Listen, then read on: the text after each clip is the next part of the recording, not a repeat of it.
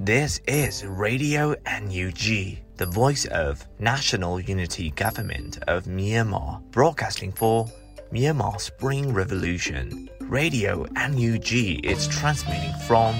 shortwave 16 meter 17.79 megahertz at 8:30 a.m. and 25 meter 11.94 megahertz at 8:30 p.m. Myanmar Standard Time. မင်္ဂလာပါခင်ဗျာ အမျိုးသားညီညွတ်ရေးအစိုးရရဲ့အတန်လွင့်ဌာန Radio NUG ကိုမနက်ပိုင်း၈နာရီခွဲမှာလိုင်းတို16မီတာစက္ကန့်တက်သမ9 MHz ညပိုင်း၈နာရီခွဲမှာလိုင်းတို25မီတာ17တက်သမ6 MHz တို့မှာဓာတ်ရိုက်ဖမ်းယူနိုင်နိုင်ပါပြီမင်္ဂလာအပေါင်းနဲ့ပြည့်စုံကြပါစေအခုချိန်ကစပြီး Radio NUG အစီအစဉ်တွေကိုဓာတ်ရိုက်အတန်လွှင့်ပေးနေပါပြီ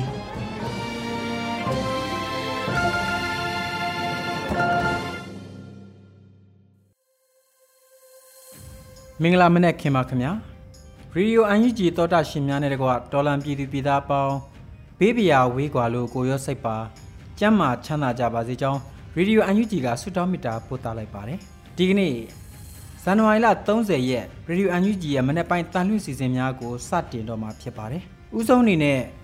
တောတာရှင်များနားဆင်ရဖို့ရှိတာကတော့ရေဒီယိုအန်ယူဂျီစိတ်ရည်သတင်းကောက်နှုတ်ချက်တွေဖြစ်ပါတယ်ຫນွေဦးမိုးကဖတ်ကြားတင်ပြထားပါတယ်ခင်ဗျာ မင်္ဂလာပါခင်ဗျာအခုချိန်ရစပြီး2024ခုနှစ်ဇန်နဝါရီလ30ရက်မနက်ခင်းမှာတင်ပြပေးမယ် Radio NUG စည်ရသတင်းများကိုဖတ်ကြားတင်ပြပေးသွားမှာဖြစ်ပါတယ်။ဦးစွာတင်ငန်းညီနောင်တွင်စစ်ကောင်စီရဟတ်ရင်တစီပစ်ချခံရဆိုတဲ့သတင်းကိုတင်ပြသွားပါမယ်။ဇန်နဝါရီလ29ရက်မုံလွဲ2နာရီဝန်းကျင်၌ကရင်ပြည်နယ်မြဝတီမြို့တင်ငန်းညီနောင်ခမရ355တက်အနီးမှာအာနာသိန်းအကြပ်ပတ်စစ်ကောင်စီတပ်၏ Eurocopter 365တစီအားဒူးပလယာခရိုင်တပ်မဟာ6 KNLA ကရင်အမျိုးသားလွတ်မြောက်ရေးတပ်မတော်နဲ့တော်လှန်ရေးပူးပေါင်းတပ်ဖွဲ့တို့မှပူးပေါင်းပစ်ချဖျက်ဆီးနိုင်ခဲ့တယ်လို့ KNU ဗဟိုကအတည်ပြုဖော်ပြပါတယ်။ဖြစ်စဉ်မှာအာနာသိန်းအကြမ်းဖက်စစ်ကောင်စီတပ်အမှတ်32ဗျူဟာပူးပေါင်းတပ်ဖွဲ့မှ KNU ဒူးပလယာခရိုင်ကော့ဂရိတ်မြို့နယ်မြဝတီမြို့တင်ငန်းညီနောင်အခြေစိုက်ခမရ356တရင်တို့တာဝန်ချင်းပြောင်းရန်လာသော မော်လမြိုင်ရတခတ်တဲ့ MI-35P attack helicopter တစ်စီးနဲ့ Eurocopter 365တစ်စီးတို့အား KNLA တော်လှန်ရေးပူးပေါင်းတပ်ဖွဲ့တို့မှဝိုင်းဝန်းပိတ်ဆို့တိုက်ခတ်ခဲ့ရာ Eurocopter 365တစ်စီးအားပစ်ချနိုင်ခဲ့တာလို့သတင်းရရှိပါတယ်။သတင်းကြိုရလို့ဝိုင်းပစ်ကြတာပါ။ drone တွေရော short တိုက် drone တွေရောတခြား sniper point fight တွေနဲ့ပါပစ်တာအကုန်လုံးအဲ့ဒါဘယ်ဟာနဲ့ထိတာလဲဆိုတာတော့အသေးချာမသိရသေးဘူးလို့ ရှေ့တန်းတနေရာရှိ PDF ရဲဘော်တို့ကပြောပါတယ်။အဆိုပါရဟတ်ရင်ပြတ်ချမှုကြောင့်44တက်မမူဘုံမူကျုပ်အေးမင်းအောင်အပါဝင်ဘုံမူ3ဦးနဲ့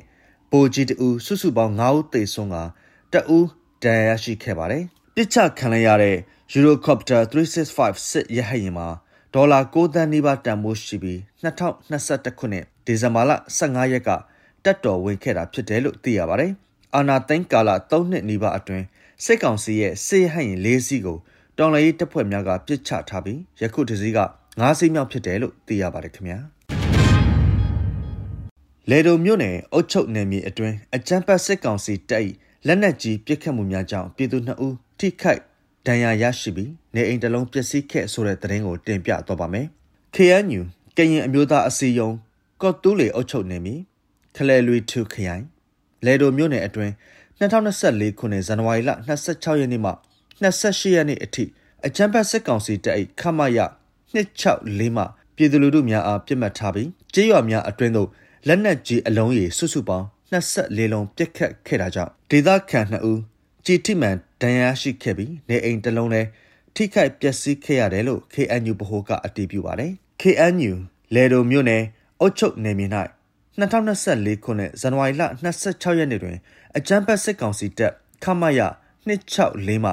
နတ်တန်ကွင်းမြို့သို့ဟာဝေဇာ122မမတလုံး155မမတလုံးကော်တာဆေးကျေးရွာသို့155မမ3လုံးတောင်ခင်ကျေးရွာသို့လက်နက်ကြီး120မမ8လုံးစုစုပေါင်း73လုံးပစ်ခတ်ခဲ့ပါတယ်ဇန်နဝါရီလ29ရက်နေ့တွင်ကျိတ်ကွင်း ကျေးရွာသို့လက်နက်ကြီး81မမ၄လုံးထိုးဝါစိုက်ကျေးရွာသို့ဟာဝေဇာ155မမ3လုံးစုစုပေါင်း9လုံးပြက်ခတ်ခဲ့ရာထိုလက်နက်ကြီးများထိမှန်ပြီးထိုးဝါစိုက်ကျေးရွာမှတေးရွှေပ55နှစ်နဲ့ဝေဝေလက်35နှစ်တို့လက်နက်ကြီးကြီးစထိမှန်ဒဏ်ရာရရှိကာစောဖာထောခေါ်၏နေအိမ်လဲကြီးစထိမှန်ပျက်စီးခဲ့ရပါတယ်ထို့အပြင်ဇန်နဝါရီလ28ရက်နေ့တွင်ခင်တန်းကျေးရွာသို့လက်နက်ကြီး120မမတလုံး ဖျားစီကုန်းကျေးရွာသို့လက်နက်ကြီး81မမ3လုံးစုစုပေါင်း၄လုံးပြစ်ခတ်ခဲ့သေးတယ်လို့သတင်းရရှိပါတယ်ခင်ဗျာရေလေကျွန်းဒေသကိုရိတ်ခါပို့စစ်ကြောင်းကြားဖြတ်တက်ခတ်ခင်ရစစ်တပ်ပမှ3ဦးသေဆုံးပြီးဒဏ်ရာရရှိသူများပြားဆိုတဲ့သတင်းကိုတင်ပြတော့ပါမယ်။ဇန်နဝါရီလ28ရက်နေ့မနက်7:00နာရီခွဲခန့်ကရေစကြိုမြို့နယ်ရေလေကျွန်းဒေသမင်းရွာကိုရိတ်ခါလာပို့တဲ့စစ်ကောင်စီစစ်ကြောင်းကိုမိုးကွဲတုတ်တန်အနီးမှာ လက်နက်ကြီးလက်နက်ငယ်နဲ့ဒရုန်းများဖြင့်ကြားဖြတ်တိုက်ခိုက်ခဲ့တာဖြစ်တယ်လို့ညောင်ဦးမြို့နယ်ပကဖထံမှသိရပါတယ်။အဆိုပါတိုက်ခိုက်မှုမှာအထိနာသွားတာကြောင့်ထွက်ပြေးသွားတဲ့စစ်ကောင်စီတပ်သားများကိုတော်လှန်ရေးတပ်ဖွဲ့များကလိုက်လံတိုက်ခတ်ခဲ့တာကြောင့်ငတရောနဲ့ရေရှားရွာကြားမှာဒုတိယအကြိမ်တိုက်ပွဲထပ်မံပြပွားခဲ့တယ်လို့သိရပါတယ်။တိုက်ပွဲအတွင်းစစ်သား3ဦး40မမဘုံသီးထိမှန်တေဆုံးသွားခဲ့တာကိုမျက်မြင်တွေ့ရှိခဲ့ပြီးစစ်ကောင်စီတပ်သားတွေထွက်ပြေးသွားရမှာထမ်းစင်တွေကိုပါတွေ့ရတယ်လို့ ညောင်ဦးမြို့နယ်ပကပတာဝန်ခံကိုစစ်ပိုင်ကရန်ကုန်ခေတ်တဲ့သတင်းဌာနကိုဖြေဆိုထားပါတယ်။အဆိုပါတက်ခတ်မှုကိုပကံပြည်ဘလူးတက်မြင်းချံခရိုင်တရင်3ညောင်ဦးခရိုင်တရင်9ညောင်ဦးခရိုင်တရင်9တက်ခွဲ2ရဲပုံကြီးနောင်ပခုတ်ကူခရိုင်တရင်30ရေစကြိုပလဖ CDSOM နဲ့မဟာမိတ်ညီနောင်များအဖွဲ့တို့ကပူးပေါင်းဆောင်ရွက်ခဲ့တာဖြစ်တယ်လို့သိရပါတယ်ခင်ဗျာမုံရွာမြို့နယ် ညောင်ဖြူပင်ရဲစခန်းနဲ့တောပုပြူရွာအား fixed wing drone များဖြင့် airborne ရှစ်လုံးကျဲချရာစစ်ကောင်စီတပ်သားနဲ့ပြူစောတီ2ဦးသေ2ဦးပြင်းထန်ဒဏ်ရာရဆိုတဲ့သတင်းကိုတင်ပြတော့ပါမယ်။ဇန်နဝါရီလ29ရက်မှာစစ်ရေးသတင်းကိုစကိုင်းခရိုင်အမှတ်၄တပ်ရင်း MSPDF ကအတည်ပြုပါတယ်။ဇန်နဝါရီလ28ရက်နေ့နေ့ခင်းတနာရီ30မိနစ်ခန့်မှ2နာရီ30မိနစ်အချိန်ခန့်အထိနဲ့ညနေ6နာရီ45မိနစ်အချိန်ခန့်တို့တွင်စစ်ကောင်စီတပ်သားများနှင့်ပြူစောတိများအခြေချနေထိုင်နေသော မုံရွာမြို့နယ်ညောင်ဖြူပင်ရဲစခန်းနှင့်တောပုပြူရွာအားစကိုင်းခရိုင်အမှတ်၄တပ်ရင်း MSPDF MSDF နှင့်အတူညီနောင်မဟာမိတ်တပ်များမှရှာထူဝါနီးပညာတိုက်ခိုက်ရေး Face Wind Drone များဖြင့် Airborne ရှစ်လုံးကျဲချတိုက်ခိုက်ခဲ့တာလို့သိရပါတယ်။ထိုတိုက်ခိုက်မှုများတွင်စစ်ကောင်စီတပ်သားများနှင့်ပြူများနှစ်ဦးဒဏ်ရာအပြင်းထန်ရရှိသွားကာတေဆုံးသွားပြီးနှစ်ဦးမှလည်းဒဏ်ရာများအပြင်းထန်ရရှိသွားကြပါတယ်။ Drone Mission များတွင်စကိုင်းခရိုင်အမှတ်လေးတပ်ရင်း MSPDF MSDF နှင့်အတူညီနောင်မဟာမိတ်များဖြစ်ကြသောမြင်းချံခရိုင်အမှတ်၈တပ်ရင်း NRDF မုံရွာခရိုင်အမှတ်12တပ်ရင်းတပ်ခွဲနှင့်မုံရွာခရိုင်အမှတ်9တပ်ရင်းမုံရွာခရိုင်အမှတ်9တပ်ရင်းတို့အပါအဝင်စတဲ့အဖွဲ့များပါဝင်ပါတယ် ဆက်လက်ပြီးရွှေဘိုမြို့လမ်းမတော်ရှိမြမစီးပွားရေးဘဏ်ကိုလက်ပစ်ပုံးနဲ့ပြစ်ခတ်တိုက်ခိုက်ဆိုတဲ့သတင်းကိုတင်ပြသွားပါမယ်။ဇန်နဝါရီလ29ရက်စီးရေးသတင်းကိုရွှေဘိုအာမန်မြို့ပြပျောက်ကြားကအသိပေးဆိုပါတယ်။ဇန်နဝါရီလ29ရက်မနက်ပိုင်း Flying Dragon Force ရွှေဘိုအာမန်မြို့ပြပျောက်ကြားတပ်ဖွဲ့နဲ့ရွှေဘိုမြို့နယ်ပြည်သူ့လုံခြုံရေးတပ်ဖွဲ့ရွှေဘို Crocodile ဘိုလင်းရောင်တပ်ပယတနနှစ်တပ်ပေါင်းစုတို့ပူးပေါင်း၍ ရွှေဘိုမြို့လမ်းမတော်ရှိမြမစီးပွားရေးဘဏ်ကိုလက်ပစ်ပုံးနဲ့ပြစ်ခတ်တက်ခတ်ခဲ့ပါတယ်လို့ဆိုပါတယ်။လုံခြုံရေးယူပေးသောမြမစီးပွားရေးဘဏ်အနည်းရှိစစ်ကောင်စီနေရဲများထိခိုက်မှုကိုစုံစမ်းနေဆဲဖြစ်ပြီးရဲဘော်များအထိခိုက်မရှိအောင်မြင်စွာပြန်လည်ရောက်ရှိခဲ့ပါတယ်ခင်ဗျာ။ဟိုပုံးဒေတာခံများကိုပြည်သူစစ်တပ်သားတဲ့အဖြစ် PNO အရမဆူဆောင်းနေဆိုတဲ့သတင်းကိုတင်ပြသွားပါမယ်။ရှမ်းပြည်နယ်တောင်ပိုင်းပအို့ကိုပိုင်အုပ်ချုပ်ခွင့်ရဒေတာအထူးဒေတာ6 ဟိုပုံးမြို့နယ်အတွင်းရှိကျေးရွာ900ထက်မနည်းတွင် အသက်16နှစ်မှ40နှစ်ကြားအမျိုးသားများကိုအဓိကထားကပြည်သူစစ်အဖြစ်အထမလူအင်အားစုဆောင်းနေတယ်လို့ဒေတာတွင်သတင်းရင်းမြစ်ကဆိုပါတယ်။ဇန်နဝါရီလ28ရက်ကပအို့ရွာတွေကရွာသားတွေကိုခေါ်တယ်။ပအိုးပြည်သူများနဲ့အတူနေတိုင်းရင်းသားညီနောင်များလုံခြုံစေဖို့ဆိုပြီးစစ်ကောင်စီတပ်ကလက်နက်ချပေးတာတကယ်တော့ PNO ကို လူအင်အားဖြည့်တာပေါ်လို့၎င်းဒေတာခန်က MPA သတင်းဌာနကိုဖြေဆိုထားပါတယ်။ဟိုပုံးကပို့အိုရွာသားတွေကိုမဲနိုင်ခံပြီးမဲပေါက်တဲ့သူကပြည်သူစစ်အဖြစ်တာဝန်ထမ်းရကမောင်းပြန်တက်လက်ကြည်ပေါက်လေးခုနဲ့ယူနီဖောင်းတက်ထဲပေးတယ်လို့သိရပါတယ်။လက်တလုံးမှာ၎င်းပြည်သူစစ်တာဝန်ထမ်းဆောင်ရင်မဲပေါက်တော်သူများကိုရွာများတွင်ညဘက်ကင်းဆောင်ရမယ်လို့ပြောထားပြီးနေကင်းပိုင်းကိုတော့ PNO ကအမိတ်ပေးတာတွေကိုလုပ်ပေးရမယ်လို့ပြောကြောင်းဒေတာခန်ကဆိုပါတယ်။လက်ရှိမှာ၎င်းကျေးရွာများမှာ ပအိုပြည်သူစစ်ဖီယန်နိုတပ်သားတစ်တရာကျော်ရရှိထားပြီးအဆိုပါတပ်သားတစ်များအတွက်တပ်ဆိုင်ရာရွာများကစားနပ်ရိက္ခာနဲ့လစာပေးရမှာဖြစ်တယ်လို့သိရပါတယ်ခင်ဗျာ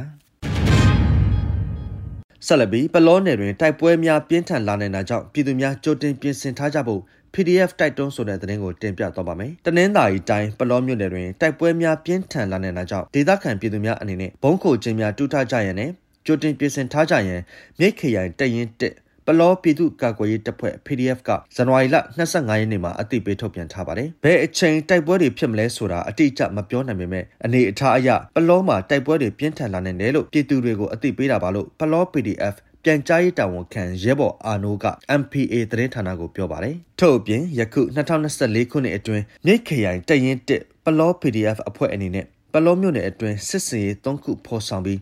စစ်ကောင်စီတပ်ကိုတိုက်ခိုက်နိုင်ခဲ့တယ်လို့၎င်းကဆက်ပြောထားပါတယ်။ဘလော PDF ရဲ့ဇန်နဝါရီလ25ရက်နေ့ထုတ်ပြန်ချက်ထဲမှာဒေသခံပြည်သူများအနေဖြင့်အရေးကြီးစာရွက်စာတမ်းများနဲ့တန်မိုးကြီးပစ္စည်းများကိုစနစ်တကျထုတ်ပိုးထားဖို့ကိုလည်းအကြံပြုထားပါတယ်ခင်ဗျာ။ဟုတ်ကဲ့ပါအခုတင်ပြခဲ့တဲ့စီးရေးသတင်းတွေကို Radio NUG သတင်းထောက်မင်းတီဟန်နဲ့မင်းစစ်တွေတို့မှပေးပို့ထားတာဖြစ်ပါတယ်ကျွန်တော်ຫນွေဦးမိုးပါခင်ဗျာ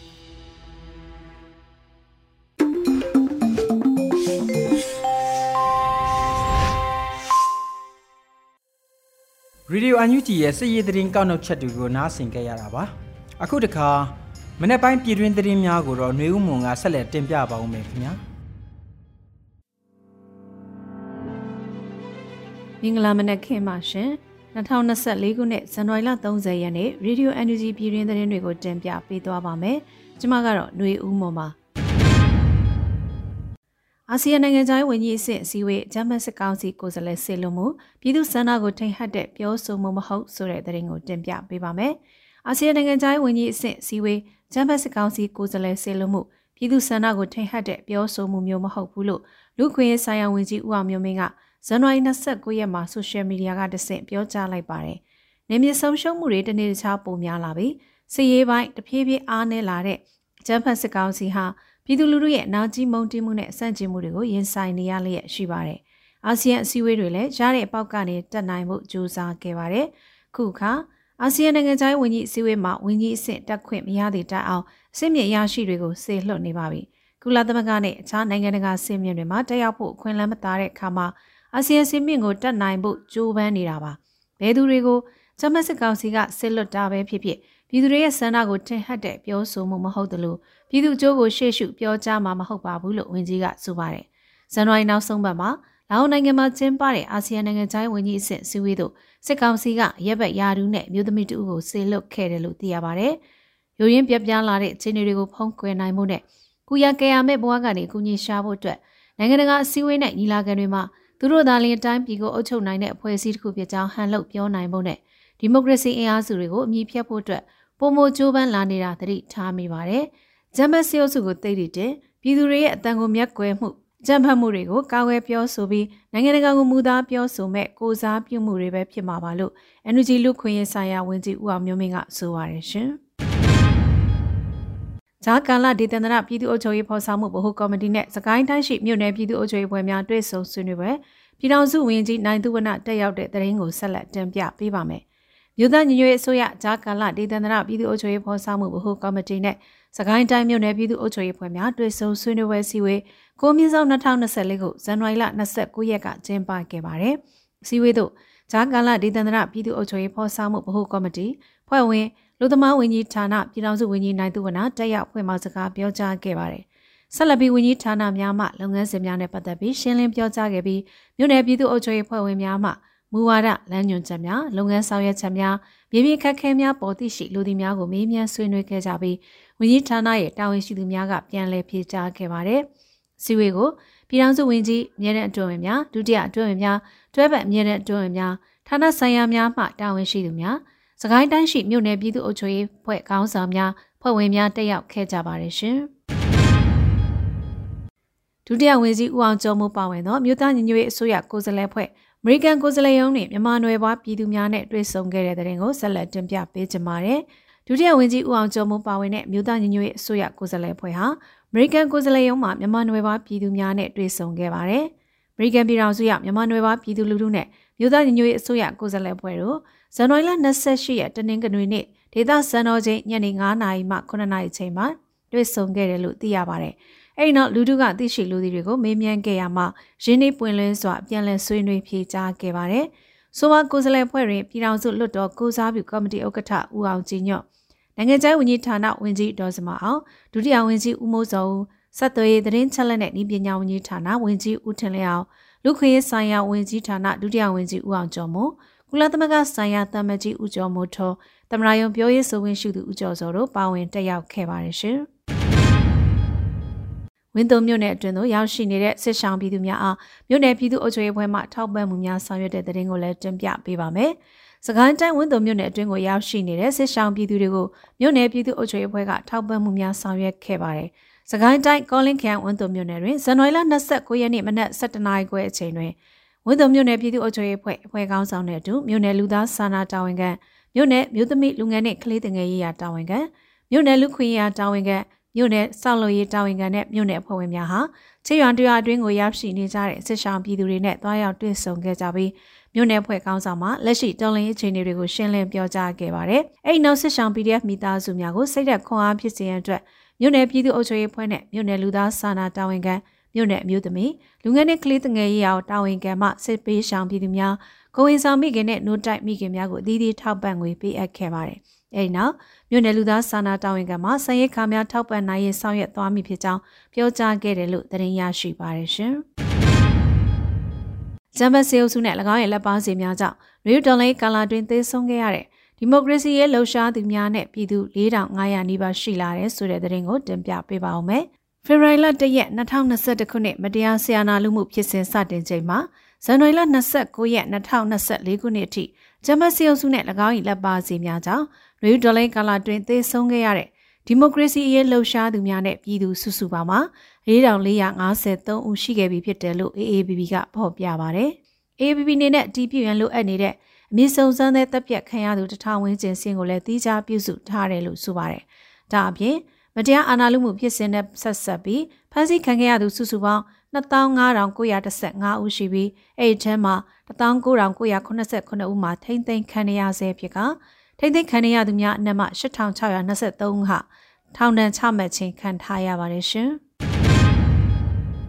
ဩစတြေးလျနိုင်ငံမြန်မာတန်ယုံရှိနဲ့ကင်ဘာရာပါလီမန်အဆောက်အုံရှိမြန်မာအင်အားစုများဆန္ဒထုတ်ဖော်မယ်ဆိုတဲ့သတင်းကိုတင်ပြပေးပါဦးမယ်။ ဩစတြေးလျနိုင်ငံမြန်မာတန်ယုံရှိနဲ့ကင်ဘာရာပါလီမန်အဆောက်အုံရှိမှာမြန်မာအင်အားစုတွေဆန္ဒထုတ်ဖော်မယ်လို့ဇန်နဝါရီ29ရက်မှာ CRPH Energy ဆက်ဖို့ဩစတြေးလျကအသိပေးဆိုထားပါတယ်။ခုလာမဲ့ဖေဖော်ဝါရီလ10ရက်ကြာသပတေးနေ့ကင်ဘာရာမှာဆန္ဒပြပွဲလုပ်ဖို့လူအင်အားလိုပါတယ်။ New Delhi 3နှစ်ပြည့်အထိမ်းအမှတ်ရဲ့ Victoria State မှာကျင်းပမယ့်အာဆီယံစည်းဝေးမှာစီအုပ်စုကိုယ်စားလှယ်လာတက်မှာကိုကန့်ကွက်တဲ့အကြောင်းဖိတ်ကြားတာကိုပြင်ရုပ်သိမ်းမှုဆန္ဒဖော်ထုတ်ကြဖို့ဖြစ်ပါတယ်။ ဩစတြေးလျအစိုးရနဲ့နိုင်ငံတကာအစိုးရတွေအနေနဲ့ပို့ပြီးတော့တင်းမာပြတ်သားတဲ့မူဝါဒတွေချမှတ်ဖို့တိုက်တွန်းလို့အကောင်းဆုံးချိန်ဖြစ်တာကြောင့်ပြည်내မှာအထူးသဖြင့်စစ်တနေနဲ့ကမ်ဘာရာမှာမြန်မာများပါဝင်ပေးကြဖို့တိုက်တွန်းလိုပါတယ်လို့ဆိုပါတယ်။ဖေဖော်ဝါရီလ10ရက်မှာကျင်းပမယ့်ဆန္ဒထုတ်ဖော်ပွဲကိုမြန်မာတန်ယုံရှိနဲ့ကင်ဘာရာပါလီမန်အဆောက်အုံရှိမှာရည်ရွယ်ထားပါတယ်ရှင်။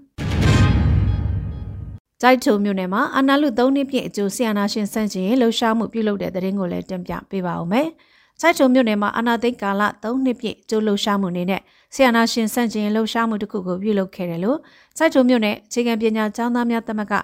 KBESU ထံကသိရပါဗျ။ဇန်နဝါရီလ28ရက်နေ့ကကြိုက်ထုံမြို့လေကောင်ရှိလူစီကားရကြိုက်ပေါ်လုံးမဲရှင်တော်ဖျားနောက်ဖက်မှုတွင်နှစ်သိရောက်လဲထောက်ပို့ကမြဲဖက်စစ်ကိုလည်းဖြိုမှာပဲစားတာပါဘန်နာချိတ်ဆွဲမှုပြုလုပ်ခဲ့ကြတာဖြစ်တယ်လို့ KBESU ကအတည်ပြုဆိုပါတယ်။ဒါအပြင် ဆရာနာရှင်ဆက်ရှင်စာသားများလည်းကတ်ခဲ့ကြပြီးအာနာလူ၃နှစ်ပြည့်အကျိုးလှုပ်ရှားမှုဖြင့်ဆောင်ရွက်ခဲ့တာဖြစ်တယ်လို့အတည်ပြုထားပါတယ်။၎င်းလှုပ်ရှားမှုပြုလုပ်ပြီးမကြမီဂျမက်စစ်ကောင်စီတပ်သားများနဲ့အပေါင်းပါများရောက်ရှိလာပြီးစစ်ဆေးမေးမြန်းမှုတွေပြုလုပ်ခဲ့ကြပေမဲ့တော်လင်းရဲဘော်များအနေနဲ့ဘေးကင်းလုံခြုံတဲ့နေရာကိုပြန်လည်ရောက်ရှိနေကြပြီဖြစ်တယ်လို့ဖော်ပြထားပါတယ်။ဆိုပါလှုပ်ရှားမှုကိုစိုက်ထုံမြို့နယ်အခြေခံပညာကျောင်းသားများသမဂ္ဂ KBESU နဲ့ Jaitu Generation Z KGZ တို့ပူးပေါင်းလှုပ်ဆောင်ခဲ့တာဖြစ်တယ်လို့သိရပါတယ်ရှင်။ ခုတင်ပြခဲ့တဲ့သတင်းတွေကို Radio Energy သတင်းတောက်မင်းတီဟန်နဲ့မင်းစစ်သွေးတို့ကပေးပို့ထားတာဖြစ်ပါတယ်ရှင်။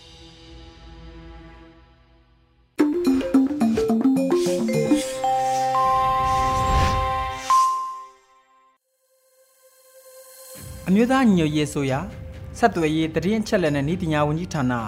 ရေဒီယိုအန်ယူဂျီရဲ့မနေ့ပိုင်းအတန်လွှင့်စီစဉ်တွေကိုနားဆင်နေရတာဖြစ်ပါတယ်။ဒေါက်တာရှင်များခင်ဗျာအခုတခါအလှည့်ကျတဲ့တော်လိုင်းကဗျာအစီအစဉ်မှာတော့ ကျော်မင်းထွန်းနယူးယောက်ရေးသားပြီးနှွေးဦးမိုးခန်းစားရွတ်ဖတ်ထားတဲ့ဆောင်းခတ်ခါဆိုတဲ့တော်လိုင်းကဗျာကို နားဆင်ရပါတော့မယ်ခင်ဗျာ။ဆောင်းခတ်ခါဆောင်းပါလေအကောင်းနဲ့အဆိုးဆောင်းအကြောင်းနဲ့ဆောင်းအကျိုးမြောက်ပြန်လေတိုးဝေရာရွေ့လာတဲ့နှင်းပါထင်းကနေဆောင်းမှန်းသိအောင်မနက်တိုင်းတက်ပြနေတယ်ထင်ကြတယ် နှင်းရဲ့ဆောင်းကဆောင်းတလုံးမဆောင်းတလုံးမို့မျက်ရည်စီးကြောင်းကြီးလို့နှင်းတွေပျော်ကျနေလိုက်တာတခါတလေဆောင်းလက်ခုတ်တဲ့ရောက်လိုက်တခါတလေစောင်းရှိမောက်ဒူးထောက်လိုက်နေအပြောင်းအလဲဟာစောင်းထဲမှာပေါ့နှင်းတွေဟာစောင်းမှာမောင်းချတာလို့ရှတတမိုးရွာတယ်လို့ခါခါတတီရွာချစောင်းမှာ ထီစောင်းလေးမရှိတော့နှင်းမလုံတာထက်စိတ်မလုံတာဆိုးတယ်စိတ်မလုံတလုံးနဲ့မီးလုံရတာမုံမုံမွားမွားကောင်းကင်ပါမှာဝေဒနာနှင်းကတရှိုက်နှစ်ရှိုက်ဥပဒံအချက်ကတပြိုက်နှစ်ပြိုက်တေနုံဓာသွားစောင်းခါခါမှာနှင်းချိုချိုကိုအေးကျိုးရုပ်နံနှစ်ပါးလို့ AI နဲ့ကျွန်တော် ပြစ်ထည့်လိုက်တဲ့အခါလောက်ချတလက်မောင်းပြန်တလက်နဲ့စမတ်ကြကြ PDF မှလေးဖြစ်လာတယ်။စောင်းညမှာစောင်းကြမသွားအောင်မေတ္တာနှွေးထွေးဖတ်ထားပေးပါစောင်းချုံလို့မလုံးမေတ္တာချုံမှလုံတယ်ဆိုလို့ဂျော်မင်တွန်နယူးယောက်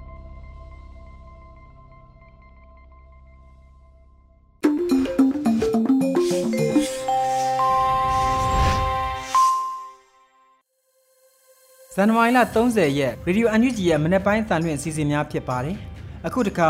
PVTV ရဲ့နေ့စဉ်သတင်းများကိုတော့နေချီကတင်ပြပါဦးမယ်ခင်ဗျာ။ခုချိန်ကစပြီး PPTV သတင်းတွေကိုတင်ဆက်ပေးတော့မှာပါ။ကျွန်မနေချီပါရှင်။ ပထမဆုံးတင်ဆက်ပေးချင်တာကတော့တရုတ်ဆိုရကဖဝရန်ထုတ်ထားတဲ့ဂျပန်ခေါင်းဆောင်တွေကိုအကြမ်းဖက်စစ်ကောင်စီကမအပ်နိုင်ပဲအကာအကွယ်ပေးထားဆဲဖြစ်တယ်လို့ညီနောင်သုံးဘွဲကထုတ်ပြန်လိုက်တဲ့သတင်းမှာတရုတ်ဆိုရဖန်ဝရန်ထုတ်ထားတဲ့ဂျပန်ခေါင်းဆောင်တွေကိုအချက်ဖက်စစ်ကောင်စီကမအပ်နိုင်ပဲအကာအကွယ်ပေးထားဆဲဖြစ်တယ်လို့ညီနောင်သုံးဘွဲက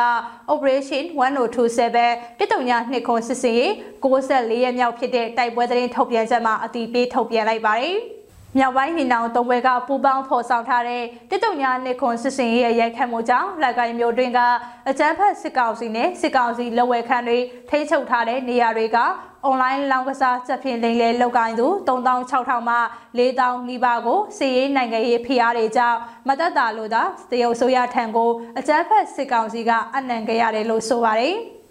အကြမ်းဖက်စစ်ကောင်စီကအနံလိုက်တဲ့အဆိုပါရည်တဲ့ထွဲမှာတရုတ်ဆိုရအလို့ရှိနေတဲ့ဝရန်ထုတ်ထားတဲ့သူအချို့ဂျပန်ကုမ္ပဏီပိုင်ရှင်တွေနဲ့ရင်းနှီးမြှုပ်နှံသူတွေလည်းပါဝင်ခဲ့ပေမဲ့ဂျပန်ခေါင်းဆောင်ကြီးတွေကိုအနံကြီးမရှိသေးပဲအကာအကွယ်ပေးထားဆဲဖြစ်တယ်လို့ညီနောင်သုံးဘွဲကဖော်ပြလိုက်ပါတယ်။အကြမ်းဖက်စစ်တပ်အနံလိုက်တဲ့၄000နီးပါးဟာလောက်ကိုင်းမျိုးတွင်မှာနှစ်ချီပြီးဂျပန်လောက်ကင်နေကြတဲ့သူတွေဖြစ်တယ်လို့လည်းဖော်ပြထားပါတယ်။ တစ်တုံညာနှစ်ခွန်ရဲ့စစ်စင်ရေးကြောင့်သာအခုလိုအနံခဲ့တာဖြစ်ပြီးတစ်တုံညာနှစ်ခွန်စစ်စင်ရေးမရှိပါကအဆိုပါချက်ဖင်းလောက်ကင်သူတွေဟာအခုထက်ပိုမိုများပြားလာနိုင်ပွဲရှိရလို့ဆိုပါတယ်။မြောက်ပိုင်းညီနောင်တုံးဘွဲကဖမ်းဆီးရမိထားတဲ့ချက်ဖင်းလောက်ကင်သူ3000ဦးခန့်ကိုတရုတ်ဆိုရထံတာဝန်ရှိသူတွေထံကိုလုံခြုံစွာအနံထားပြီးဖြစ်တယ်လို့လည်းအသိပေးဖော်ပြထားပါတယ်။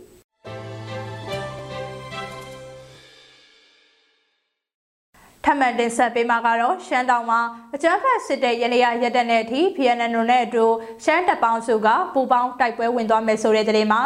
ရှမ်းပြည်နယ်တောင်ပိုင်းနဲ့ပုံလူမျိုးစုဒေသအတွင်းမှာရှိတဲ့အကြမ်းဖက်စစ်ကောင်စီရနေရမလဲပတ်နိုင်တော့တဲ့အထိ PNN နဲ့အတူပူပေါင်းကတိုက်ပွဲဝင်သွားမယ်လို့ရှမ်းပြည်တောင်ပိုင်းဒေသဒေါ်လာရေးတပ်ပေါင်းစုကအသိပေးထုတ်ပြန်ထားပါတယ်။ တနိုင်ငံလုံးရှိအဖိနှိတ်ခံလူတို့လွတ်မြောက်ရေးအတွက်စစ်သုံးစစ်ဖြစ်တဲ့ဆီယာနာရှိစနစ်စစ်ဗျူရိုရေးရနေရစစ်အုပ်စုအမြင့်ဖြတ်ကြာရှုံးတဲ့အထိဘဝတူညီနောင်များတော်လိုင်းအင်အားစုတွေနဲ့ပူးပေါင်းကတော်လန်စစ်ကိုဆင်နွှဲသွားမှာဖြစ်တယ်လို့လည်းဖော်ပြထားပါတယ်။ ပုံမျိုးသားလူမျိုးရေးဖွဲ့ချုပ်ရဲ့ဆီယနာရှင်ရတရားကိုလက်ပတ်စေသူအဖိနှိတ်ခံတိုင်းရင်းသားပြည်သူများကိုဖိနှိတ်ချုပ်ချယ်နေတဲ့အကြက်ဖက်စီအုပ်စုကိုဘဝတူညီနောင်မဟာမိတ်များနဲ့အတူပူးပေါင်းတော်လှန်သွားမယ်ဆိုတာလေရှမ်းတောင်ဒေသခံတော်လှန်ရေးတပ်ပေါင်းစုကကြိုဆိုတယ်လို့ဖော်ပြထားပါတယ်။